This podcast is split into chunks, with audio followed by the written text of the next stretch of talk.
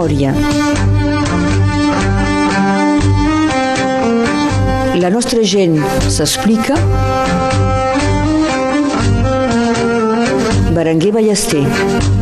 Avui faig memòria amb un nord català recent, podríem dir. Va arribar el 2008 i ja s'ha fet eh, una plaça com a professor de català i espanyol i ara com a director del taller Canopé de Perpinyà, és a dir, l'antic CDDP, el Centre de Documentació Pedagògica, i també s'ha fet una plaça en el món literari, i és que en Jordi Sales és poeta.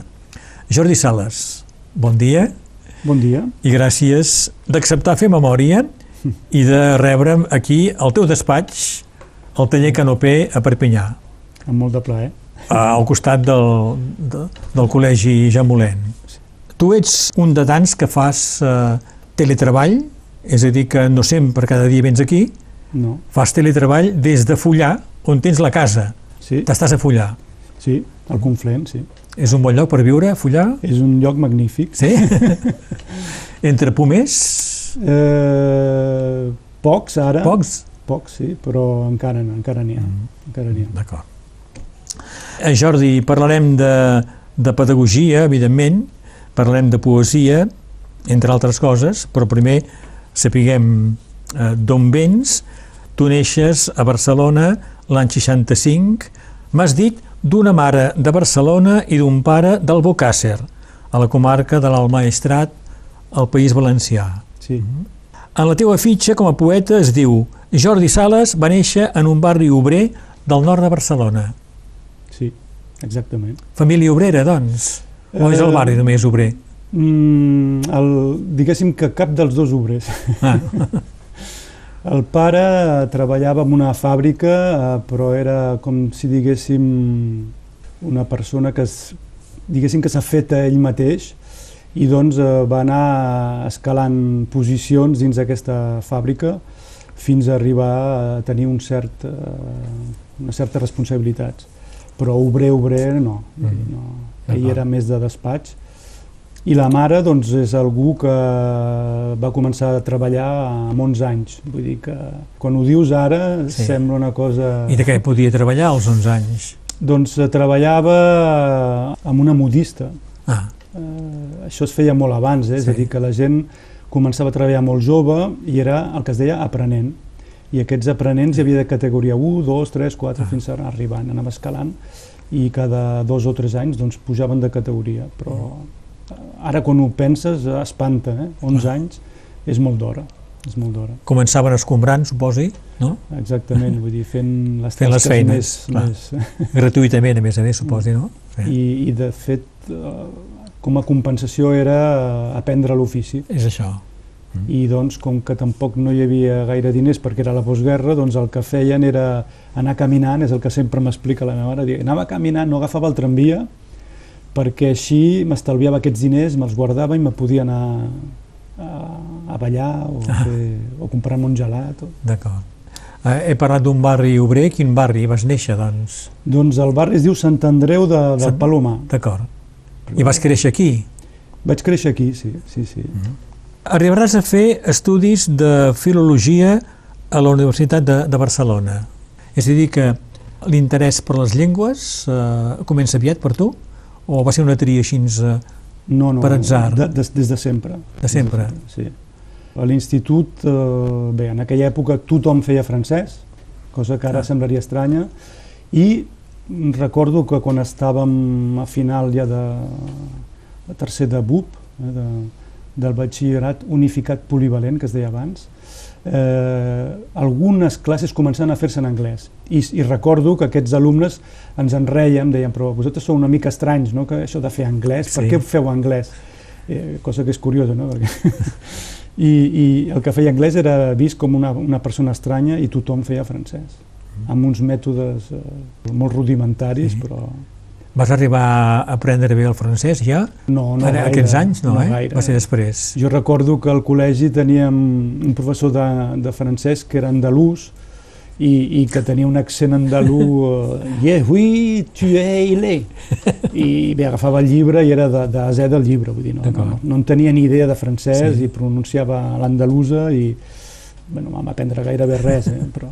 Doncs fas estudis de filologia. Sí, ah. diguéssim que va ser un accident, eh? va, va ser un ah. per accident, perquè jo, bé, sempre he estat un, una persona una mica estranya en el sentit que no, no sabia ben bé per on anava, eh, molt poc madura, i doncs quan vaig arribar al que és el COU, que era la que diem a terminal, eh, el COU, doncs eh, jo vaig dir que volia plegar d'estudiar i que no, no, sé, no sabia què volia fer a la vida. I bé, la meva família es va espantar eh, i bé, l'espant va durar uns mesos, a l'estiu em vaig adonar que tothom faria alguna cosa i que jo havia de fer alguna cosa també. I doncs al setembre em vaig presentar, perquè es podia presentar al setembre, eh, però era pels que havien suspès el juny, el BAC, eh, la, la selectivitat, i jo m'hi vaig presentar, em van dir, tu ets boig, és molt més difícil, eh, i a més a més era el primer any que, havia, que calia fer una preinscripció a la universitat. Si no feies preinscripció no podies entrar a la universitat que tu volies, a la facultat, vaja. I jo, com vaig tenir aquesta sort de tenir la selectivitat al setembre, molt bé, tinc el, el títol i ara me'n vaig a la universitat i vaig pensar, me'n vaig a la Universitat de Periodisme, vull, fer, vull ser periodista. No sé per què, vaig dir, era estrany perquè no sabia... Calia triar, clar. No sé, vaig anar a la universitat i, i a la facultat de periodisme i em diuen, noi, has fet la preinscripció al maig? Ah, doncs no, i doncs ho sento molt, però no hi ha plaça. Dic, i ara què faré? I la pobra dona que ja m'ha dit, veiem, a tu què t'agrada fer? I vaig dir, home, a mi m'agraden les llengües, i per això venia aquí. Uh -huh. Va dir, ah, doncs, vés a fer filologia, tens filologia catalana, anglesa, alemanya, el que vulguis. Dic, bueno, molt bé. Diu, a més a més és el centre de Barcelona, un edifici preciós. Dic, doncs vinga, va, me n'hi vaig. I vaig arribar a la universitat, allà a la sí. facultat, a la Universitat de Barcelona, al centre, a la plaça Universitat, sí. I em vaig uh, anar a la, a la secretaria i vaig dir, jo vull fer filologia. I em van dir, però quina filologia? Catalana, anglesa? I vaig dir, home, no ho sé i, va dir, i quan vaig dir català em va dir doncs no hi ha places, en aquella època no és com ara, eh, que no hi, ha, no hi ha gent que vulgui fer filologia catalana, en aquella època eh, estava ple. I va dir, però hi ha places a filologia romànica. I va dir, doncs vinga, doncs a filologia romànica. I em vaig apuntar a filologia romànica per això. Pensant que l'any següent em convalidarien algunes de les assignatures que hauria fet i podia tornar a periodisme però va resultar que em va agradar molt ah. aquell primer any. Clar, vaig descobrir professors, vull dir, a la Universitat de Barcelona en aquell moment hi havia professors fantàstics, fantàstics, i era un plaer anar a les classes. I fins i tot anàvem a classes de professors que no eren els nostres, ens agradava anar a sentir-los, perquè era un plaer, com el, en Vallcorba, en... bé, en fi, sí. la llista és llarga. Sí, sí, sí. I t'hi passes 5 anys, doncs, estudiant filologia 5 anys. romàniques. Amb una especialitat de francès, sí. perquè calia buscar una... Dins de romàniques havies de tenir una especialitat, i jo vaig triar el francès. I doncs cada any hi havia una part d'estudis de, amb literatura o llengua lingüística eh, francesa. Ah, seràs també, després, corrector i traductor al Col·legi de Periodistes de Barcelona és la primera feina que fas, doncs? Eh, de fet, no. De fet, ah. quan vaig acabar la carrera, amb uns companys, eh, volíem crear una, una mena d'empresa de traducció. Ah. Perquè aquest noi era, era sard, parlava sard, eh, italià, francès, en fi, podia traduir moltes llengües, i teníem un amic que també traduïa eh, en anglès. I doncs jo eh, podia fer en castellà i en català i, i vam crear aquesta empresa, però aquest noi anglès, eh, americà més aviat, es va, es va posar molt malalt i va haver de marxar. I doncs eh, que, aquesta empresa va començar a posar problemes i al final ho vam deixar córrer. Sí.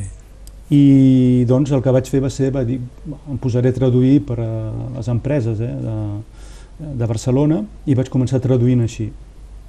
Però al mateix temps guardava la meva feina d'estudiant de, perquè cal dir que jo vaig començar sent manobra, eh? la meva primera feina va ser eh, ajudant els paletes a, i durant un any i mig... Mentre estudiaves? Mentre eh? estudiava, sí, sí. Anava de Barcelona a Mataró a treballar a les 7 del matí, feia l'obra de tot el dia i quan plegava a les 3 me n'anava cap a Barcelona a estudiar, fins a les 10 de la nit.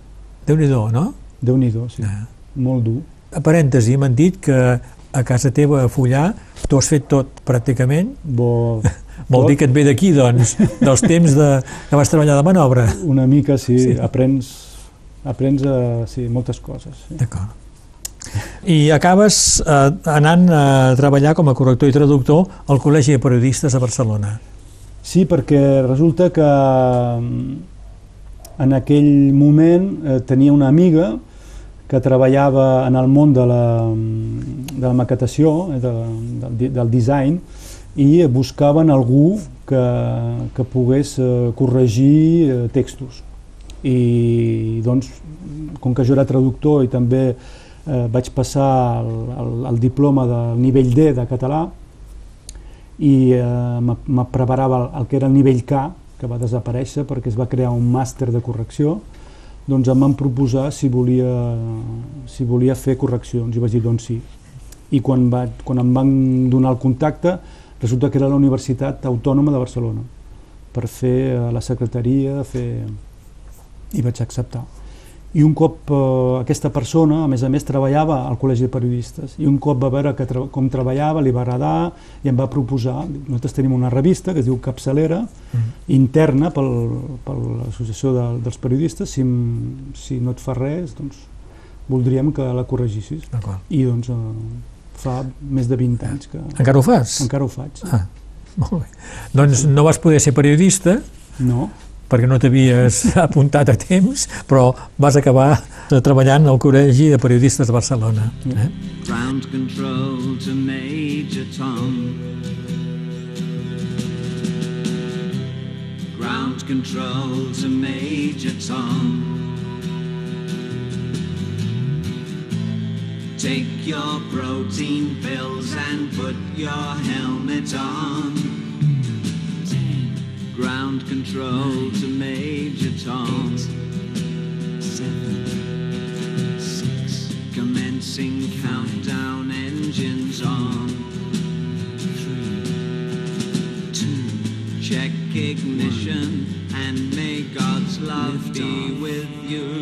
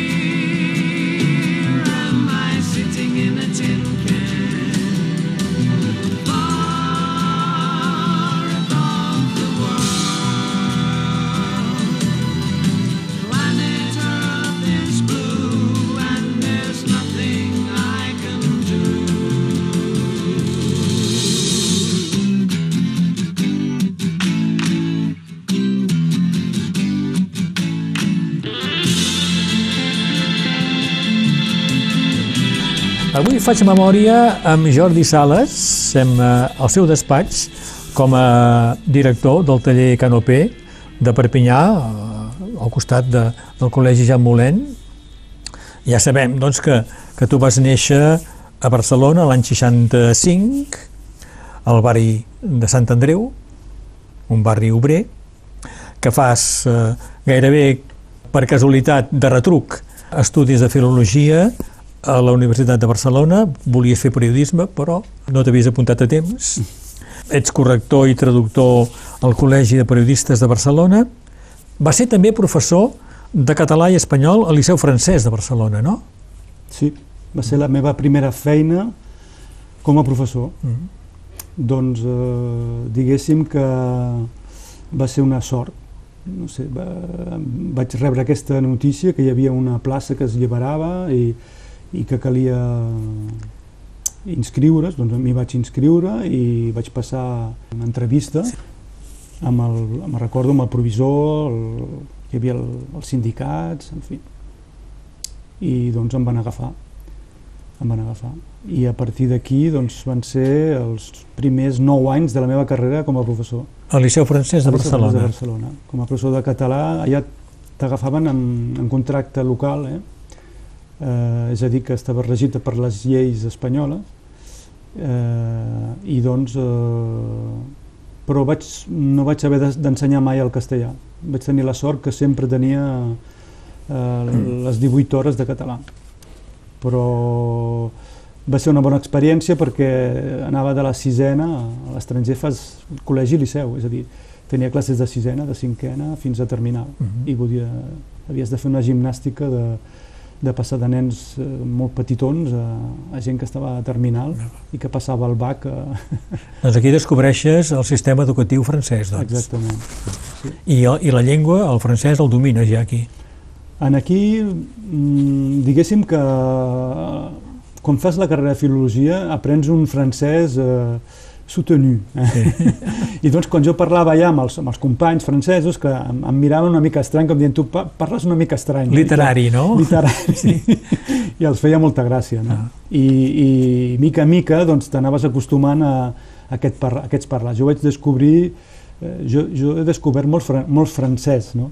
el, el francès eh, aquest literari i després vaig descobrir aquest francès col·loquial Sí. Eh, i després, eh, un cop em vaig instal·lar aquí a França, doncs el, el francès del bricolatge, no? per exemple, que és tot un món, no? Sí. és un català, un francès tècnic. No? Sí, sí, sí. El 2008 vens a Catalunya Nord. Sí. És una decisió professional? Uh, per què vens aquí? No, és una decisió familiar. És una decisió familiar amb la dona que vaig conèixer al, al Liceu Francès de Barcelona. Doncs eh, vam decidir que ella havia, em, em va dir jo haig de És tornar. francesa, ella? Ella és francesa, sí. És de, del nord, de Lille, però nascuda a Roubaix. I em va dir, eh, haig de tornar, o em quedo aquí per tota la vida, o bé haig de tornar a França. Llavors hem de prendre una decisió. Però en aquell moment encara hi havia la bombolla immobiliària, era just el, el 2008 va començar la, la, la crisi econòmica, etc. Llavors, els pisos, eh, construir a Catalunya era molt, molt difícil. I, Era molt car. Molt car. I, Sí. i, i no donaven préstecs per comprar terrenys, com a França. I llavors això, clar, no, era impossible. I quan buscaves més a l'exterior havies de marxar molt lluny per tenir preus assequibles. Llavors vam dir, doncs, provem, eh, provem sort als Pirineus Orientals, a Catalunya Nord, i segur que ens en sortirem. Mhm. Jo li vaig dir, l'única... L'únic problema és això, que haig de, de treballar eh, com a professor de català. No hi ha altre remei. Coneixies Catalunya Nord ja? Quan vas prendre aquesta decisió? No, havia, sí, havia vingut de vacances, Sí. havia visitat Perpinyà eh, i Prada, Mhm. però tenia aquesta visió que tenen els de, la gent de Barcelona, eh? vull dir, una cosa folclòrica, Sí. purament folclòrica. Arribes al 2008, doncs, amb la dona, i el primer lloc on treballes és el Col·legi de la Barsola, el Soler, Col·legi Pompeu Fabra. Al Col·legi Pompeu Fabra, Mhm. sí.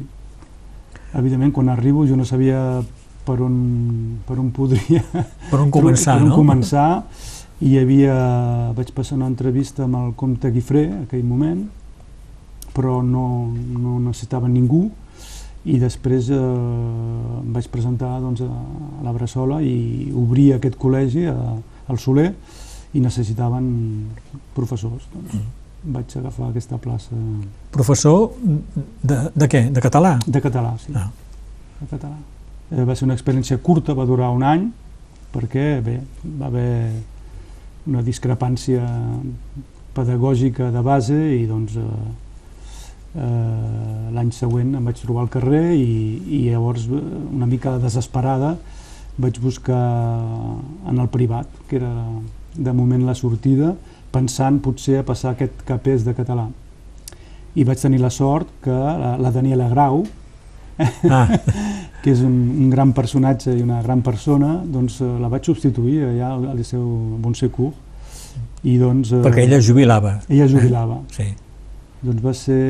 Vaig tenir el plaer de tenir una altra feina i de conèixer la Danila Grau Molt bé. al mateix temps.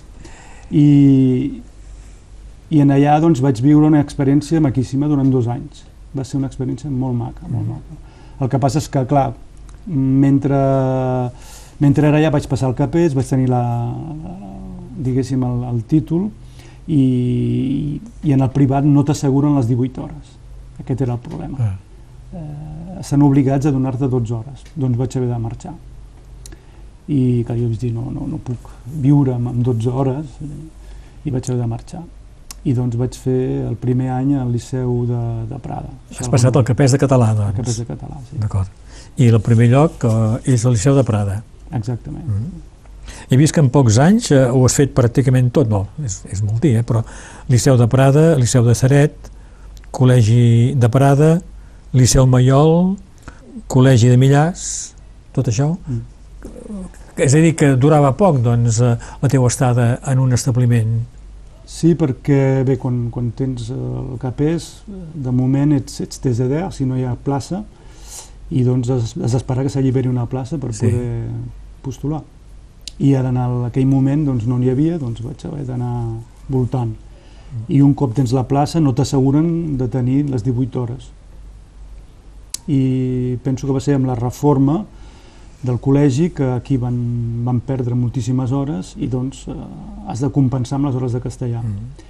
I a partir d'aquí es crea el que es diu un complement de servei i has d'anar, doncs feia les hores de català al Col·legi d'Illa i el complement al Liceu Maiol i més tard va ser eh, al Col·legi de Millars. Find you in the morning after dreams of distant signs.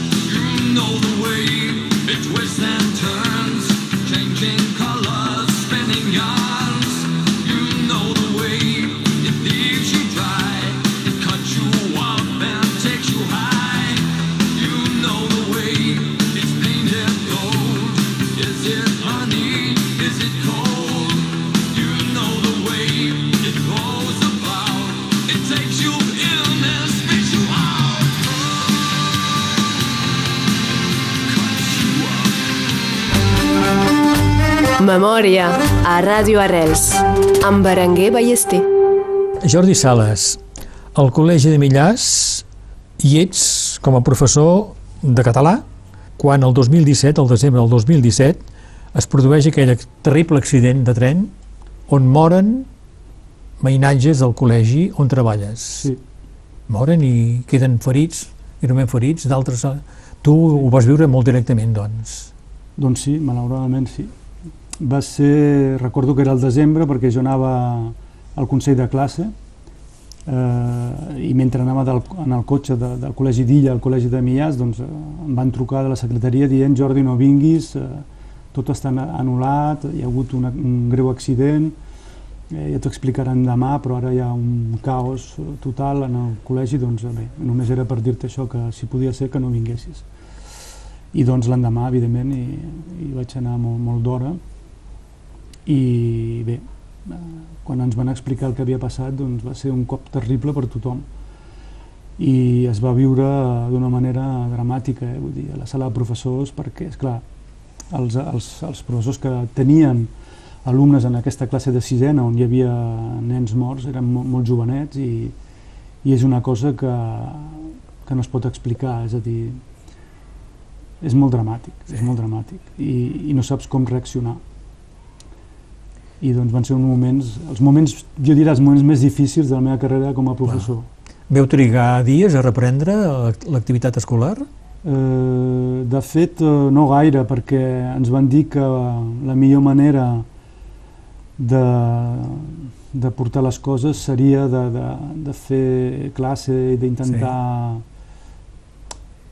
Bé, vam, vam tenir un suport de, de, dels psicòlegs eh, permanentment, eh, vull dir que eren allà al col·legi i bé, hi havia casos tots els, tot els, als 15 minuts hi havia algun nen o una nena que, que demanava de, de sortir de, de l'aula, eh, bé, hi havia una cèl·lula en una habitació de, del col·legi on els nanos podien anar quan volien, va ser molt difícil, molt estrany Sí. i no sabíem ben bé com, com sortir-nos-en. Tu vas tenir alumnes eh, directament afectats?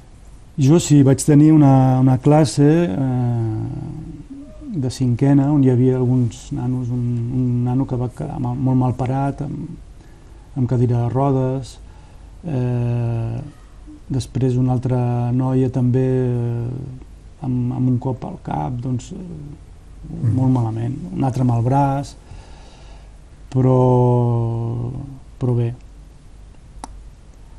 és, és, Sí. és molt difícil de parlar-ne tot això, Ah. perquè són tan, tan joves que... I la represa suposa que és molt lenta, no? La represa cap a la normalitat. Sí, de fet, ja no hi ha normalitat, no? Vull dir, jo penso que ni el primer ni el segon any va ser normal. Clar. Va ser potser el tercer any que vam començar a, a retrobar una mica les coses tal com eren abans. Mhm. Però el primer segon any, no. Eh, se't feia molt estrany. Clar. Se't feia molt estrany. Jordi Sales, seràs també professor de català i espanyol al Col·legi d'Illa. Uh -huh. A Illa hi he estat, m'he estat molts anys i allà també vaig tenir el plaer de conèixer la Teresa Dalmau, que Sí. Ha estat una persona important per que era mi. professora també al Col·legi Era, d'Illa. la professora català Sí. a Illa, no? I la presidenta de l'associació de la Casa dels Amics de la Casa Samsó. I doncs eh, allà jo penso que vaig intentar portar a terme la, la gran majoria de projectes que, que, que he volgut portar a terme. És a dir, allà m'ha permès de, de centrar-me, el fet de, de, de tenir un lloc eh, fix et permet de fer ja moltes més coses, molts projectes. Quant temps hi vas estar aquí a Illa? Eh, penso que gairebé 6-7 D'acord. anys, sí. I doncs, eh, bé, en aquests anys també vaig estar intentant aportar al màxim el, el, el professorat de català en formacions, vull dir, sempre he estat una persona que he fet molta formació, que he buscat de- d'ajudar els companys, de portar... I doncs eh, vas acumulant experiència i al cap d'un temps doncs, et dius eh, eh, no sé, ja fa més de 20 anys que ensenyo, necessito un altre estímul. Jo, penso que havia intentat de fer de tot en projectes, llavors no sé, arribes, arriba un moment que dius haig de canviar de rumb. I, i doncs necessitava, el que volia era més responsabilitats i portar projectes més, més importants, més, més amplis. I llavors eh, el fet de ser cap d'establiment eh, és també eh, el reconeixement a la feina feta per alguns caps d'establiment que m'han marcat. Va ser el cas eh, d'un provisor a, a Liceu de Saret i d'un principal al Col·legi d'Illa. I doncs em van, vaig, vaig dir, "Doncs és possible Qui eren? fer... Pots dir els noms, si vols. Eh, el principal de d'Illa era Samuel Castillo i el provisor de, de, de Saret, no recordo el seu nom malauradament, però era una persona que jo l'admirava perquè Sí. va ser una persona que, que era tranquil·la, que transmetia molta seguretat i fins i tot va ser l'únic cap d'establiment que jo he vist en el concurs de poesia occità-català, que, els premis que es donen al rectorat de Montpellier, que hi va ser present. Doncs diu molt d'una persona Sí. que, que se'n cuidava de tothom, no Mhm. només d'una part de, de professorat. Bé, a partir d'aquí hi ha aquesta opció que penso que és molt interessant de, de fer el que es diuen fes en funció chef d'établissement. No està ben pagat perquè és una prima de, de molt pocs diners, però et permet de veure si això t'agrada o no t'agrada. I jo m'hi vaig trobar molt bé. El que passa és que, clar, en aquesta feina no hi ha projectes o no, no els portes tu els projectes. I quan em van dir que hi havia aquesta plaça de director de Canopé eh, i vaig veure el que demanaven com a perfil de, de director, vaig pensar això va més amb tu, Jordi, val la pena d'intentar-ho i que la feina de fer en funció no, no t'asseguren que això duri un any sencer, etc etc. I al setembre del 2020, Mm. eh, director del taller Canopé de Perpinyà, Uh -huh. eh, en ple confinament, doncs. Sí, O- vaig... Sí, la feina de principal adjunt ja em va enxampar perquè vaig començar al febrer i al febrer, al març ja estàvem en confinament Sí. i el confinament ha continuat. Doncs eh, he arribat a aquest, eh, a aquest lloc eh, en ple confinament, però, és clar, i és difícil portar a terme Sí. els projectes quan tot està Esclar. Limitat. Mig paralitzat, no? Sí. Tot, esclar. És un lloc, aquest taller de Canopé, de documentació pedagògica, per, per resumir, no? Seria això? Eh, Pels mestres i professors? És més, És molt, més que això, eh? Molt més que això, molt Veiem. més que això. Jo m'he endut una sorpresa de veure que, que Canopé és un, primer és, ara és un réseau, és una xarxa nacional. Abans, diguéssim que el que era el CDDP tenia molta autonomia, treballaven sol, hi havia molta gent, i ara, en canvi, doncs, només som quatre que treballem en aquest taller i, i ja no tenim aquesta autonomia, és a dir, ja depenem primer de, de Montpellier, on hi ha una direcció territorial adjunta, i també depenem de Tolosa, on hi ha una direcció territorial de tota l'Occitània.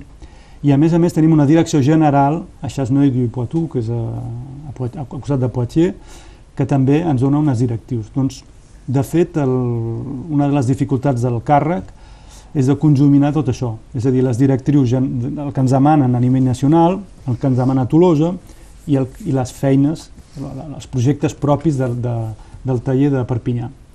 I això és una mica complicat, perquè clar, hem de, de, de, de fer contents tothom, Sí. Complicat a nivell administratiu, podríem dir, Sí. d'organització, d'organització. però al fons seria crear documentació pedagògica. Llavors, ara estem en fase de, de reestructuració. Abans hi havia molta publicació, molta mm, producció editorial. Ara anem de cap a caiguda, és a dir, ja no es vol o s'aposta molt poc. Sort que es vol desenvolupar eh, el treball editorial amb les llengües de França i doncs ara sembla que reviscola tot això una mica. I doncs, eh, al Canopé tenim el Pol de Ressources per l'ensenyament du català, el PREC, que té una subvenció del Consell eh, Regional i del Consell Departamental que ens permet de tenir en paral·lel tota una producció només pel català. I és això que és interessant de, del meu càrrec, que no només gestiono un, documents o, o, o recursos pedagògics per a l'ensenyament en general, sinó que també puc fer-ho pel català en particular. Mhm. Però la feina és, actualment el que se'ns demanarà cada vegada més és la formació, la formació de, dels mestres i dels professors de secundària. Aprofitaré per dir que el taller Canopé eh, col·labora regularment amb aquesta ràdio. Amb Ràdio Arrels heu tingut, eh, heu fet projectes comuns. Sí.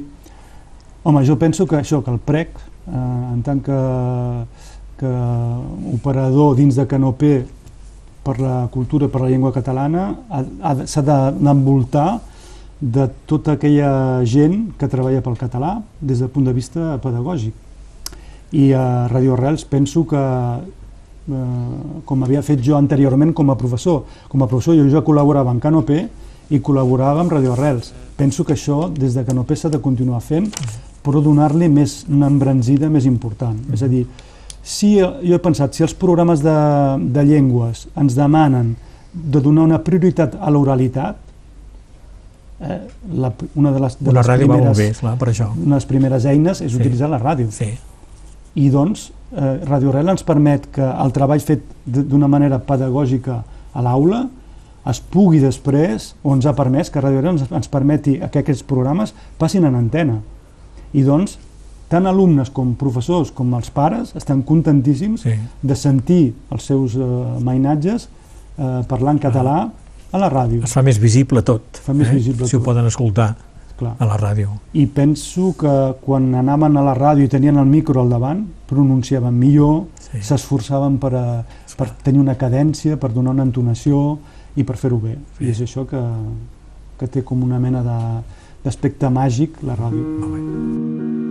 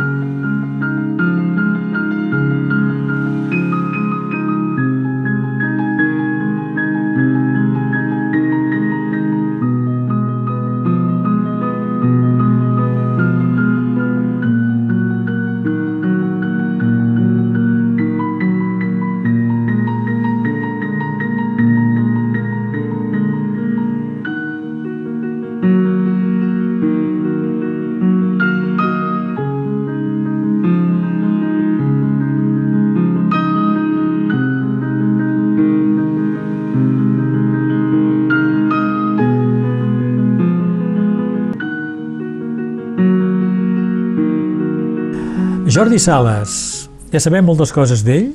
Hem parlat sobretot de pedagogia, perquè ha estat professor de català i espanyol a diversos establiments, tant a Barcelona com a, aquí a Catalunya Nord. Ara és director del taller Canopé de Perpinyà i a la introducció ja ho he dit, ets poeta. Has publicat un llibre, en parlarem després. És a Barcelona, quan ets jove, que comença el teu interès per la poesia? Exactament. Eh, per això deia que aquest fet de néixer en un barri obrer no era tant per mi, que, jo, que la meva família no era realment obrers, no? però per la gent que m'envoltava, els meus companys de classe, és a dir, era una gent eh, molt humil, amb, amb pares tots treballadors, i doncs el nivell cultural, intel·lectual era, era molt, molt baix. No? I, I en canvi jo tenia aquesta, com dir, aquesta inquietud literària i, i cultural des de ben petit. Llavors, sempre m'ha interessat la literatura i sempre m'ha interessat les llengües. Aleshores, com, com funciona això? Doncs, eh, evidentment, quan ets al col·legi hi ha premis de poesia del col·legi, com hi ha premis d'allò, i, i jo m'hi presentava cada vegada. Em vaig adonar que el fet d'escriure poesia, això agradava a les noies, sobretot, no? I doncs eh, les noies venien a demanar-me, me pots escriure un poema? I doncs jo, jo, jo anava escrivint poemes. Comences escrivint en català directament? Eh, no, Ah. això no. No perquè això no n'hem parlat, però jo descobreixo el català, devia tenir 12-13 anys. Perquè a casa no parleu català. Eh, sí, sí, Ah. vull dir a l'escola, eh? és a Ah. dir, no, no estudiàvem. Llavors, jo no m'havia mai demanat el per què eh, a l'escola tot era en castellà i que a casa parlessin català. Tu vas néixer en ple franquisme, eh? el 65. Sí, sí. sí. Eh, encara recordo quan tenia 10 anys, eh, quan, quan va morir Franco i em van dir eh, avui no hi ha escola, durant 3 dies no hi ha escola, estan tots Fantàstic. contents. I jo no entenia per què això els meus pares eh, treien el cava i els amics i tothom festejava i com, jo, jo no entenia com es pot ser que es, que es mori algú i, i la Tothom gent estigui content. content, no? Clar. I bé, no, no, no ho enteníem això. Però sí, sí, vull dir, l'escola era tota, tot en castellà, eh, el, els, el, diguéssim que tota la gent que era franquista estaven tots col·locats en llocs estratègics. Recordo que el conserge del col·legi era, era un falangista molt conegut, bé, en fi, era, tot era un món eh, molt tancat. Eh? I, I quan a, als dos anys descobreixo, perquè va venir el professor de català i va dir a partir d'ara farem català, doncs no ho vam entendre gaire. No? I, I la primera cosa que va fer va ser donar-nos un llibre de, de en Joaquim Carbó, una, una casa sota la sorra, Ah, i van començar a llegir. va ser un èxit aquell llibre, Sí. em sembla, eh? aquell moment. Sí. I, I jo de tot això, no, l'única cosa que recordo és que jo llegia i no entenia. I, i, i se'm feia un embolic en el cap, perquè jo deia, intentava veure aquella paraula escrita a què corresponia amb el que jo sabia de català sí. I veia que no concordava de vegades. Vull dir, era, era com un treball de, de reactualitzar coneixements, no? de dir, a veure, a què correspon aquesta paraula dins del meu món no? lingüístic? I va ser un exercici d'això, no? molt difícil perquè, clar, hi havia moltes paraules que no coneixíem. En aquella època hi havia molts castellanismes, era una cosa corrent, eh? la gent deia el bussó, eh? Sí. per dir la bústia, Sí. i ens semblava correctíssim, és a dir, Ah. quan ens van dir bústia tothom reia, no? Sí, bústia, bústia. sí. Eh, vull dir, clar, era un món poès, bueno, era, era Sí. tothom, no era alguns, com... Ara, bé, ara tornem altra vegada, eh? Doncs les primeres poesies són en castellà, doncs. Sí, sí, doncs, eh, clar, el, el, quan, quan dius vull escriure, eh, et sents segur amb la llengua que has après a l'escola. a l'escola i que abans la, la llengua s'aprenia amb la literatura. És a dir, jo he après el castellà amb Machado, Sí. amb Azorín, amb, vull dir, clar, no, no, no fèiem res en català, cap poeta. I, i clar, quan has d'escriure, ja escrius amb allò que et sents segur. I serà més tard, doncs, que et passes al català? I serà més tard que em passaré al català, evidentment. Eh, però bé, també és això, escrivia narrativa i escrivia poesia, tot en castellà. I, i fins més endavant no em vaig començar a llançar. Va ser un cop després, eh, quan era a l'institut, eh, ja vaig conèixer professors de català que portaven eh, escriptors. Eh? Jo, jo vaig conèixer la Carme Riera quan era super joveneta. Ah. Eh, jo penso que no sé si devia tenir la trentena o Sí. no sé si perquè ens la van portar a classe, no? I, i clar, és a dir, que, que, que descobreixes un, un altre món, no? I de què parlaven les teves primeres poesies? Ho recordes? Jo recordo que era, eren poesies que eren molt introspectives, eh? És a dir, que pel que dèiem, no? és a dir, jo al meu barri, amb els meus amics, no podia parlar de coses molt profundes, no? i jo era, era profundament filosòfic en aquella època i, i molt inquiet per la, per la política. Vull dir, jo penso que tenia 13 anys que vaig començar a entrar en política. Eh, De quina manera? eh, perquè, a veure, nosaltres hem viscut una època molt, molt difícil, eh, de, políticament parlant, i, i doncs a l'institut hi havia moltes, vull dir, nosaltres hem viscut moltes manifestacions i moltes vagues. Sí. a l'institut era constant, és a dir, quan, quan no fèiem vaga per una cosa per una altra, no? Eh, i, i, I sortíem a, a defensar els drets, no? Va, va ser per, eh, per la llengua, per la cultura, si no era per, pels interins, si no era per... Eh, sempre hi havia coses eh, per protestar. I doncs eh, és això, no? Vull dir, aquesta inquietud jo no la podia transmetre a ningú. Eh, sí, bé, a casa una mica amb ma mare, no? però doncs tot això que no podia dir ho, ho escrivia, ho escrivia. I, I doncs tots els meus embolics i, i mentals i la, les coses que jo vivia, que sentia, les escrivia. Mhm. Era una manera de, de no sé, de, de sortir-me. Sí, sí. No? I aquesta activitat poètica l'has mantingut sempre? No, llavors, eh, en, el- en el, penso que en el pròleg del llibre també ho explico, que, que hi va haver un, un moment en, en què vaig dir, mira, Jordi, eh, de moment el que has de fer és llegir més, aprendre a escriure, i s'ha acabat aquesta època d'adolescent i tot això, per escriure és una cosa molt seriosa, aprèn-ne i després posa't a escriure. Ah. I va ser quan vaig eh, aturar l'escriptura. Però bé, I quan la reprens, l'escriptura? la reprenc eh, molt més tard, eh, molt, molt, molt més tard. Quan ets aquí o... Eh, quan vaig arribar aquí, sí, ah, el 2008. el 2008. Sí. D'acord. Eh, penso que és per això, perquè és un moment d'un canvi radical de vida, eh, eh, descobreixo això, no? un nou món, eh, i com et deia, no? entres en contacte amb la gent d'aquí, amb la literatura d'aquí, eh, eh, val a dir que jo vaig descobrir Jordi Pere Cerdà per casualitat, eh, estava a classe a Liceu Bonsecourt i doncs eh, tenia com a alumne el Lucien, eh, el seu net, i jo, eh, vull dir, amb aquesta voler descobrir els alumnes, com quan fèiem el, els textos de Bach, eh, doncs igual que agafava Mercè Rodoreda, vaig agafar un text d'en de, d'en Pere Cerdà i vaig voler treballar a, a classe eh, l'Angeleta. Eh, eh, i vaig fer fragments de l'Angelet, això, i el Lucien un dia jo deia, veieu que el, el text aquest no és un català estàndard, és un català... Jo, llavors el Lucien em va aixecar el braç i em va dir, doncs, eh, això, és, això és el parlar cerdà, senyor.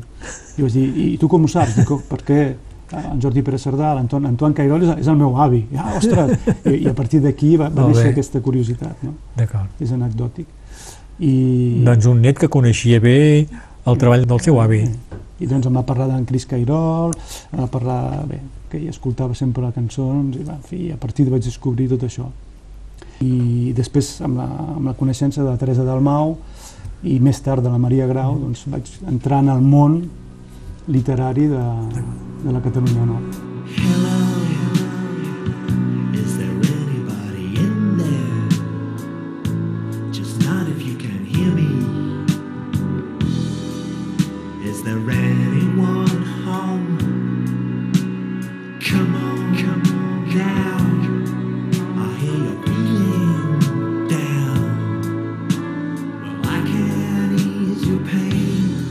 you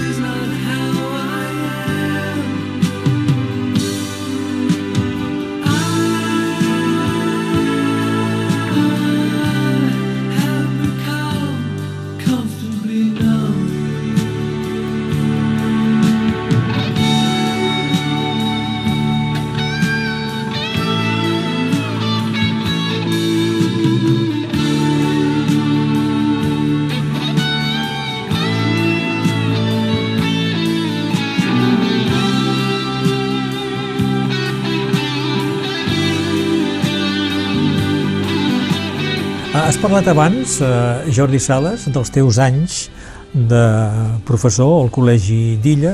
Has dit que van ser anys eh, intensos, de molts projectes. Tu tens lligams forts amb Illa, perquè a nivell poètic també estàs lligat a, amb Illa, no? Sí, doncs és això. Jo penso que ella és com un focus cultural important que, que ha estat, com, com diríem, aturat eh, en, en el temps, per a aquest context sanitari, però bé, eh, al voltant de la Galeria 13, de, la- de l'André Robert eh, i, i de la Teresa Dalmau, amb l'Associació de, dels Amics de Casa Samsó, eh, han arribat a crear una cosa, penso, un, un focus important de, de cultura i, i també d'art, eh? perquè l'André Robert no només és poeta, sinó que també és, és, és, és uh, artista. No? I en aquella casa, en aquella galeria, s'hi passen moltes coses, moltes coses. I ha, ha arribat a reunir molta gent. Eh? Doncs la Cristina Giner, el Didier Manyac, en Pere Figueres, vull dir, gent... Eh, I a partir d'aquí eh, és, és això, és el protocol sanitari que ens, no, ens, ha, ens ha aturat en aquesta trajectòria tan maca perquè en el Dia dels Poetes de cada any cada vegada hi havia més gent i més gent i més gent.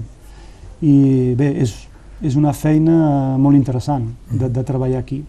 I això t'obre la porta a, a, a mostrar la teva poesia. No? Doncs va ser la porta d'entrada per la meva poesia. I va ser quan em vaig parlar a la Teresa i va dir, digue-li a l'André, potser et publicarà. I l'André em va dir, escolta'm, si tens... Eh, jo tinc edicions paraules, edito en català, si tens producció, me, me la, ho fem. I vaig dir, doncs vinga, llancem-nos-hi. I, I vaig Que po- replegar Sí. aquests poemes que havia presentat al, al Premi Francesc Català cada any i vaig fer aquest volum cap al tard. cap al tard. Amb un pròleg de Pere Figueres. Sí. He tingut l'honor que em fes aquest pròleg. Sí. M'agradaria recordar que l'André Robert, que és un, un home important per les seves iniciatives culturals i artístiques a Illa, és un home nascut a la Reunió, Mm -hmm. que s'ha integrat ben bé en aquest país. Sí. Jo l'he vist sovint eh, en actes solidaris amb els presos polítics catalans. Bo, és el que sempre diem, eh? la gent que parla moltes llengües, que, que, que ha tastat eh? la multiculturalitat, sempre està obert a, a, Sí. a molt més que els altres. No? Molt, sí. Té menys prejudicis, té segurament. menys prejudicis i, i, i, i hi ha una aproximació a la cultura i un respecte per les cultures dels altres, siguin, eh, eh, vinguin d'on vinguin. És a dir, no s'ha de... El problema de tot això és a dir que hi ha llengües més importants que d'altres o, o que hi ha cultures més importants que d'altres. No? Això és, és absurd. Mm. Jo, a veure, a mi em ve al cap, eh, la, la primera la primera idea que em ve al cap és i, com és doncs, que, que Picasso, per exemple, es va inspirar tant de l'art africà, no? si és un art tan primitiu i tan poc important, per què s'inspira ell d'això, no? Uh, o per què, no sé, Tàpia s'inspira tant de l'edat mitjana si era un art tan, pre, tan antic i tan poc desenvolupat. A veure, eh, a veure jo penso que és, eh, l'interès és d'obrir-se una mica més al món i intentar comprendre i de, i de pensar que el futur es, es, es fabrica també amb el passat. Eh? No, hi ha un lligam sempre entre passat i present Sí. i el- l'artista més modern pot ser aquell més tradicional també. No? Jordi Sales, eh, ja ho hem comentat, que el 2020 publiques el recull Cap al tard a les edicions Paraules, amb aquest pròleg que en va fer en Pere Figueres. Abans has fet un dels pròlegs, és el 2019, has fet un dels pròlegs d'Aigua sempre vives, és un recull de poesies de set dones, poetes o poetesses, Uh -huh. de Catalunya Nord, també edicions Paraules, d'Illa. Poetesses de Catalunya Nord i de Catalunya Sud també, És veritat, però que, que s'estan aquí. que s'estan aquí, Sí. que tenen un contacte. Sí. I també el 2020 eh, tradueixes al català amb la Cristina Giner les poesies de Didier Manyac, Barri Xino, també edicions a paraules. Bé, la, la traducció és la, la Cristina Gineco que la va fer i doncs després jo eh, el que vam fer conjuntament va ser fer la relectura i eh, jo va, vaig aportar el, meva, el meu punt de vista D'acord, com a traductor. eh, com a, sí, com a traductor. Mm. I també has participat eh, a la revisió de l'obra completa de Jordi Pere Sardà, amb la Sí, Maria això- Grau i la Teresa Dalmau. Això va ser en el moment en què preparava la, la meva tesi doctoral sobre el teatre de Jordi Pere Cerdà, doncs estava en contacte permanent amb la Maria Grau, que és la persona que coneix millor mm, l'obra de, de Jordi Pere Cerdà, i, i doncs eh, tenia entre mans eh, aquesta publicació de, de, de l'obra completa, de la reedició de l'obra completa de poesia, i, i doncs, eh, diguéssim que amb aquesta tasca de, de, de, de correcció doncs em van demanar si, si volia donar-hi un cop d'ull. I, i do, doncs humilment em vaig afegir a aquest equip de, de la Maria Grau i la Teresa Dalmau que coneixen també aquesta obra i jo vaig aportar, com sempre, eh, humilment el meu punt de vista i doncs a vegades em feien cas, de vegades no. I ara podríem dir que ets un, de, un estudiós eh, de l'obra de Jordi Pere Cerdà. Per cert que, eh, no sé si l'has acabada, una tesi, estàs preparant una tesi doctoral, no?, La tesi doctoral, no, la, la, sobre Cerdà. la vaig començar, vaig fer dos anys de preparació, però diguéssim que les circumstàncies, totes les circumstàncies que anaven al voltant d'aquesta tesi em van fer eh, aturar-la. Eh, la directora de tesi, per exemple, que havia d'estar a Girona, doncs va caure, es va fer mal i no va poder ser directora. L'altra directora, que era aquí la, la Cristina Badosa, a qui agraeixo molt tot l'ajut que, que em va prestar, eh, es va jubilar, doncs era complicat, l'any següent era honorària, doncs bé, em va dir si, si ho podem deixar és Ah. complicat. I doncs bé, jo també a casa era molt complicat, a la feina, diguéssim que has d'estar al 100% per poder preparar una tesi I no l'acabaràs, doncs. i doncs eh, es va quedar aturada. Però jo penso que l'acabaré quan, quan em jubilaré, que tindré temps per fer-ho, Sí. perquè bé, la preparació et permet de, de tenir una visió àmplia d'aquesta obra teatral i penso que val la pena de, de treballar-la. Dona, societat, espai en el teatre de Jordi Pere Cerdà. Seria el títol d'aquesta el tesi doctoral que acabaràs fent quan et jubilis. Exactament. Tranquil·lament a follar, Sí, treballant des de casa teva. sí. Jordi Sales, t'he presentat com un nord català recent, perquè vas arribar al 2008, doncs eh, fa 13 anys, sem un matí del mes de maig, finals del mes de maig del 2021. En perspectiva, com han estat aquests 13 anys com a nord català per tu? Eh, ser nord-català d'adopció, eh, fullanenc, eh, penso que, que, que ha estat difícil perquè eh, el nord-català és, és un ésser eh, difícil de, de, de, de, de comprendre. Eh? Eh, ja ho és ser català a Catalunya Sud, eh, de, perquè estem amb, amb aquesta, com dic, amb aquesta barreja constant amb, amb, amb, amb, la, amb, el casta, amb la cultura castellana i, i ens costa molt de, de trobar... Però aquí al nord encara és més difícil, penso, perquè, perquè és un català perifèric, és això que diem, no?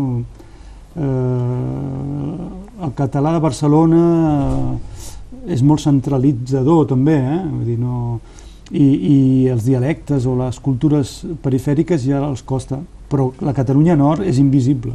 Eh? Sortia mm, només, a... jo recordo que el que sabíem, eh, quan jo vivia allà, era Pere Codonyan, TV3 Perpinyà, era, era tot el que sabien de Perpinyà, el temps que feia i si hi havia algun acte important i res més. No, no.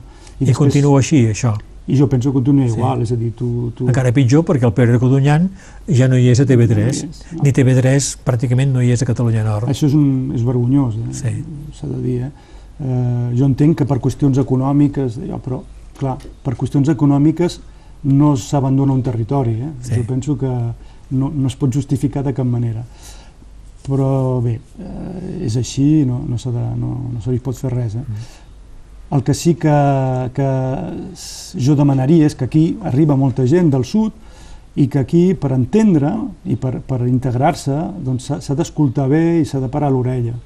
I no venir, i jo és el que he intentat sempre, eh, no venir amb la mentalitat de Barcelona, jo ho sé tot, eh, i no, eh, jo he vingut sempre amb humilitat, jo he escoltat la gent d'aquí, la gent que en sap, i m'he interessat per la literatura d'aquí, que és el que s'ha de fer, que és, que és respectar i, i, i donar empenta als escriptors d'aquí. Doncs començant per Pons, per Pons ja té una, una certa autoritat al sud, però Jordi Pere Cerdà no, i doncs hem, ens hem de barallar i lluitar per posar l'alçada de, del, del que mereix en, en Caigol eh, Sí. co- com, a, com a literat català.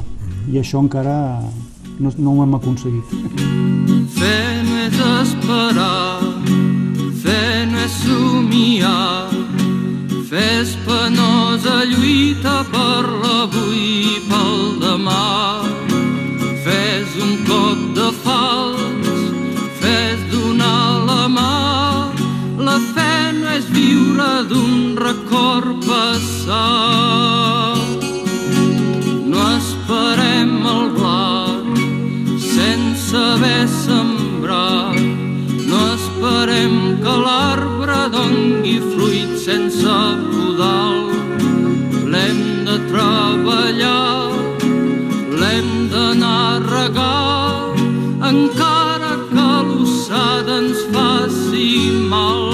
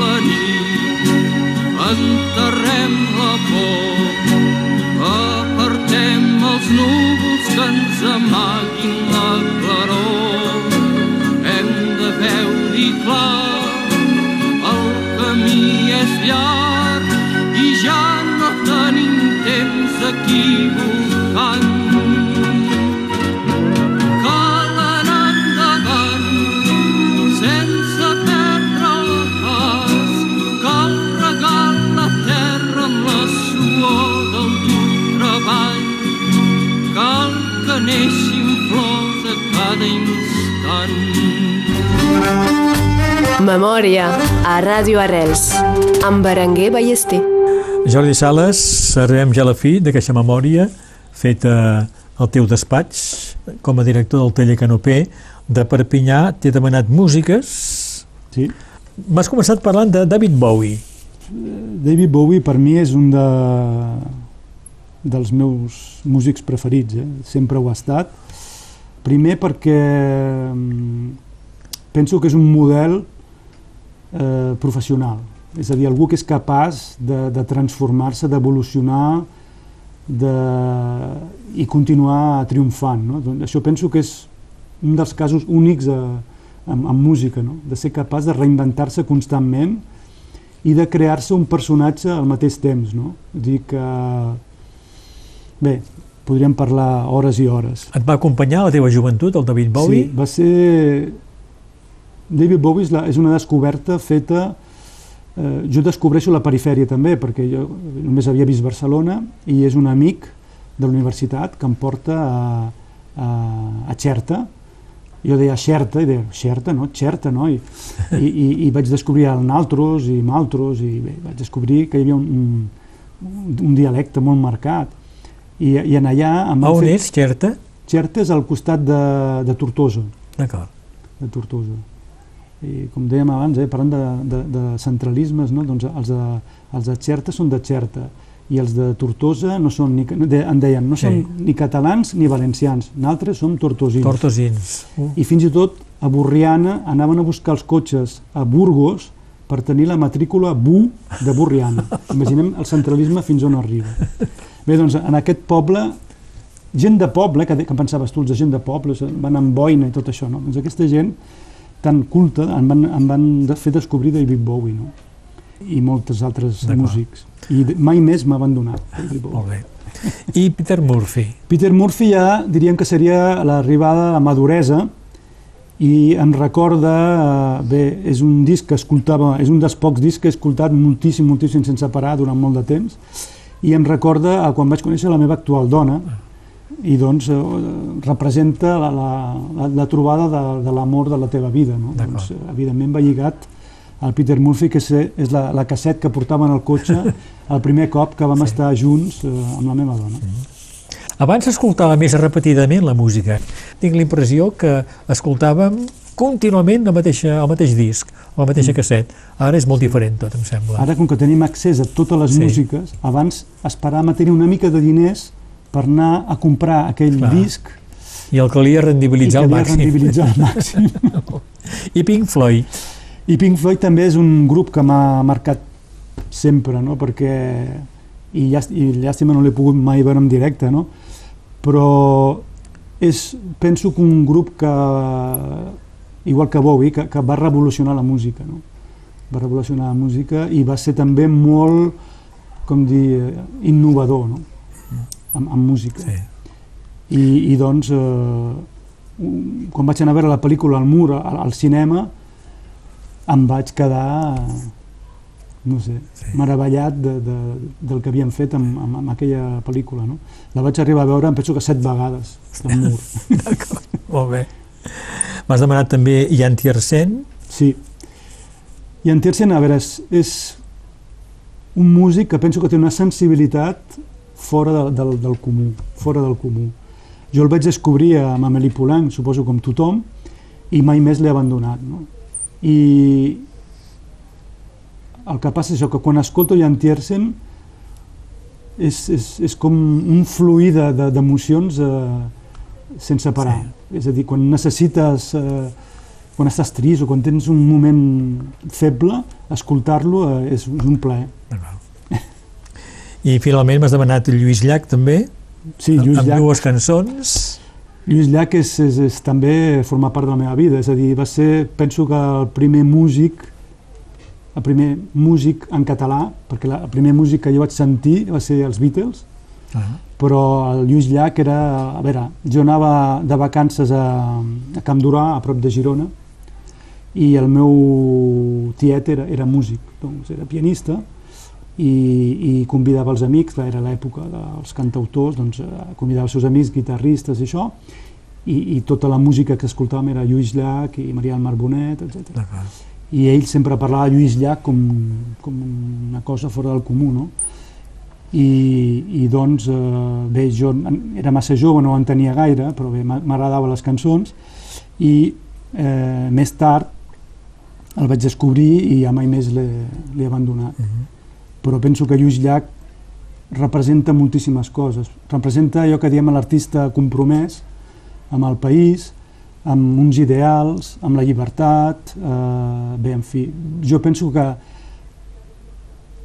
igual que amb Jan Tiersen, però multiplicat per 1.000 o per 10.000, quan sents una cançó de Lluís Llach et transmet no només aquest, aquestes emocions, sinó tot el que transmet com a contingut, no? sí. pel que representa per l'època del franquisme que hem viscut eh, i, i, i pel que representa per l'actualitat, que sembla que torna Sí. a altres èpoques. Uh, Jordi, m'has demanat de Lluís Llach Cal que neixin flors a cada instant, una de les primeres, eh? és de la primera Sí. època, eh? aquesta cançó. Sí. I, I si canto trist, Cal que neixin flors a cada instant, sí, perquè els primers àlbums penso que hi ha un, un altre Lluís Llach. És un Lluís Llach molt més, molt, com vam dir, molt més eh, senzill i penso que també té molt d'encant.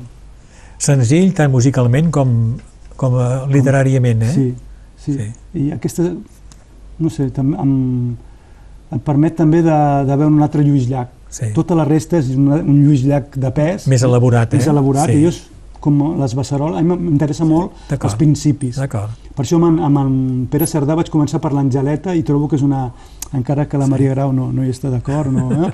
l'Angeleta per mi és, és el germen de tot i és una obra mm, que, que m'interessa molt per això, perquè és el principi de tot. I li si canto trist és primer que té, és una cançó super emocionant, super emocionant, no només per la, per la música, per la composició, sinó pel, per a, a qui li dedica, no? I, i és el final de, del franquisme i és eh, un final de franquisme que, que, que no sap ni acabar amb dignitat, és a dir, eh, mor matant, eh? Sí. mor matant, i és, és això que és tràgic d'aquesta cançó, no? En Salvador Puig Antic, jo penso que tot el món sencer demanava que fos perdonat. Sí. I, i, i, i això mostra la virulència, eh? si, si, si hi ha... Vull dir, perquè sí, s'ha criticat molt el, el nazisme, tot això, no? però el franquisme, la virulència del franquisme, jo penso que no s'ha calibrat bé, i, i fins i tot actualment, eh? perquè encara tenim eh, els nets i els besnets d'aquesta gent, però que es parli català actualment a Catalunya és un, no és un miracle, és un supermiracle, Sí. Perquè aquesta persona va fer tot els possibles per, per, per, eh, per, per esborrar de, de la terra la cultura catalana. Sí. I no ho va aconseguir. Doncs, si no ho ha aconseguit ell, difícilment. Jordi, eh, tu vas néixer al 65, doncs tenies 10 anys, ho has comentat ja, Mhm. quan va morir en Franco, doncs has viscut de, de jovenet o de, de mainatge al franquisme. Creus que d'alguna manera o altra marca eh, aquells que han viscut el franquisme? Els ha marcat? A mi m'ha marcat molt. Primer perquè eh, els pares a casa, els avis, tothom ha parlat de, de la guerra i sobretot de la postguerra. És a dir, els meus pares sempre m'han dit al tanto, eh? abans es deia això, Sí. al tanto. La guerra va ser molt dura, però pitjor va ser la postguerra. Sí. Eh? I això potser tampoc no s'ha calibrat prou. No? Sí. La, la postguerra va ser una cosa pitjor encara Sí. que la, la, la repressió que hi va haver després va ser potser pitjor que la guerra. I, i sobretot la gana. Et Eh, parlaven de gana, els teus pares? Sí, Sí. sí, sí, perquè es va passar molta gana i doncs era, és, un, és una cosa obsessiva amb tota la, la generació. Eh? Jo he parlat amb els, els companys de la universitat, tot això, hi havia gent que tenia armaris plens de, de, de, de conserves per por que algun dia hi hagués, com va passar, eh? el 23 de febrer, el, Sí. amb, el, amb el cop d'estat de, de, d'estat fallit, però Del va faltar Civil. poc. Eh? Sí. I, i, i això sempre ha, ha marcat la, la, les vides de, de la nostra generació. Ha marcat les vides de... I, i el franquisme va continuar, no només és que es mor el 75 i això s'acaba. I el pitjor també de tot és que es va haver d'acabar eh, amagant o eh, fent veure que allò no havia passat. I doncs la, no, no ha pogut cicatritzar mai. I això és, és el, el que encara vivim eh, Sí. actualment no cicatritzat. Jo que, que he visitat amb els alumnes eh, els, els llocs on ha tingut lloc la, la batalla de l'Ebre, veus que encara, encara és present eh, de- de- aquest problema i que no se'n vol parlar i que si, si no se'n parla millor. Jordi Sales i Bernús, estic molt content que m'hagis acceptat fer memòria i que m'hagis acollit aquí al teu despatx de director del taller Canopé de Perpinyà, aquí a la plaça Jean Molent, eh, un matí de finals del mes de maig del 2021. Jordi, gràcies i ha bon estat dia. un plaer. Gràcies a vosaltres. Jo no estimo la por, ni la vull per demà, no la vull per avui, ni tampoc com record.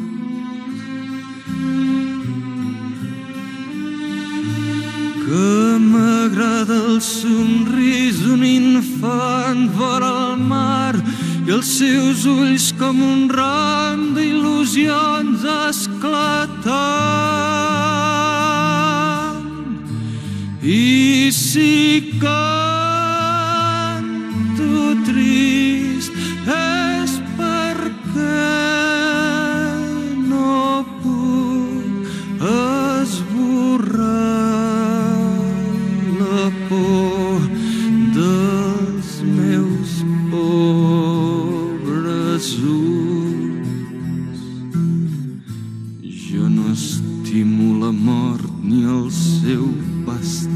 glaçat.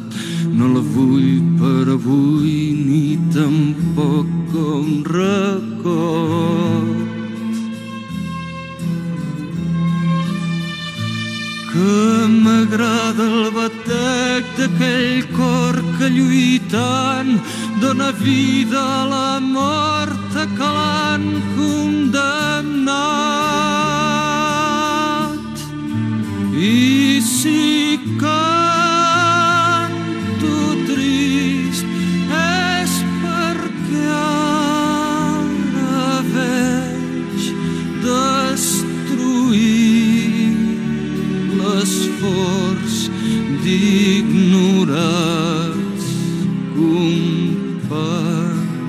d'ignorats companys. I si canto trist, de Lluís Llach, del disc publicat l'any 74.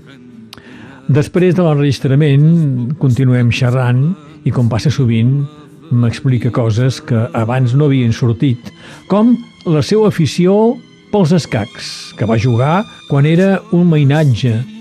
He jugat contra Karpov, em diu. Karpov, el gran mestre rus, campió del món, del 75 al 85, Jordi Sales va participar a Barcelona a una sèrie de partides ràpides organitzades per un diari esportiu. Encara recorda, meravellat, veure passar davant d'ell aquella figura mundial dels escacs. Abans de Karpov hi va haver l'enfrontament històric del rus Spassky contra l'americà Fischer. Ell anava sempre a favor del rus. Va ser els escacs que li van fer descobrir els països catalans, m'explica. Son avi, que li havia ensenyat a jugar, al veure que ho feia prou bé, el va portar a un club d'escacs on el professor, abans de començar les lliçons, li va mostrar un mapa. Saps què és això? Ell no va saber respondre. Era el mapa dels països catalans. Mira, noi, has de saber que els escacs es basen en la memòria. Estudia bé aquest mapa amb totes les seues comarques i capitals de comarca i quan les hagis après totes, m'avises i començarem les lliçons d'escacs. Va estar un bon moment memoritzant el mapa dels països catalans i el tercer cop que el professor li va fer passar la prova va saber dir de memòria totes les comarques i les seues capitals. Ja podien començar, doncs, les lliçons d'escacs. Els escacs no van durar sempre, ara ja no hi juga, n'ha ensenyat a les seues filles i prou. Em parla també del seu amor per la naturalesa. Ell és un barceloní que la va descobrir a Girona, el camp, els animals, i és per això, em diu, que amb la seva dona van triar anar a viure a Fullà, al Conflent. Memòria. La nostra gent s'explica. Berenguer Ballester.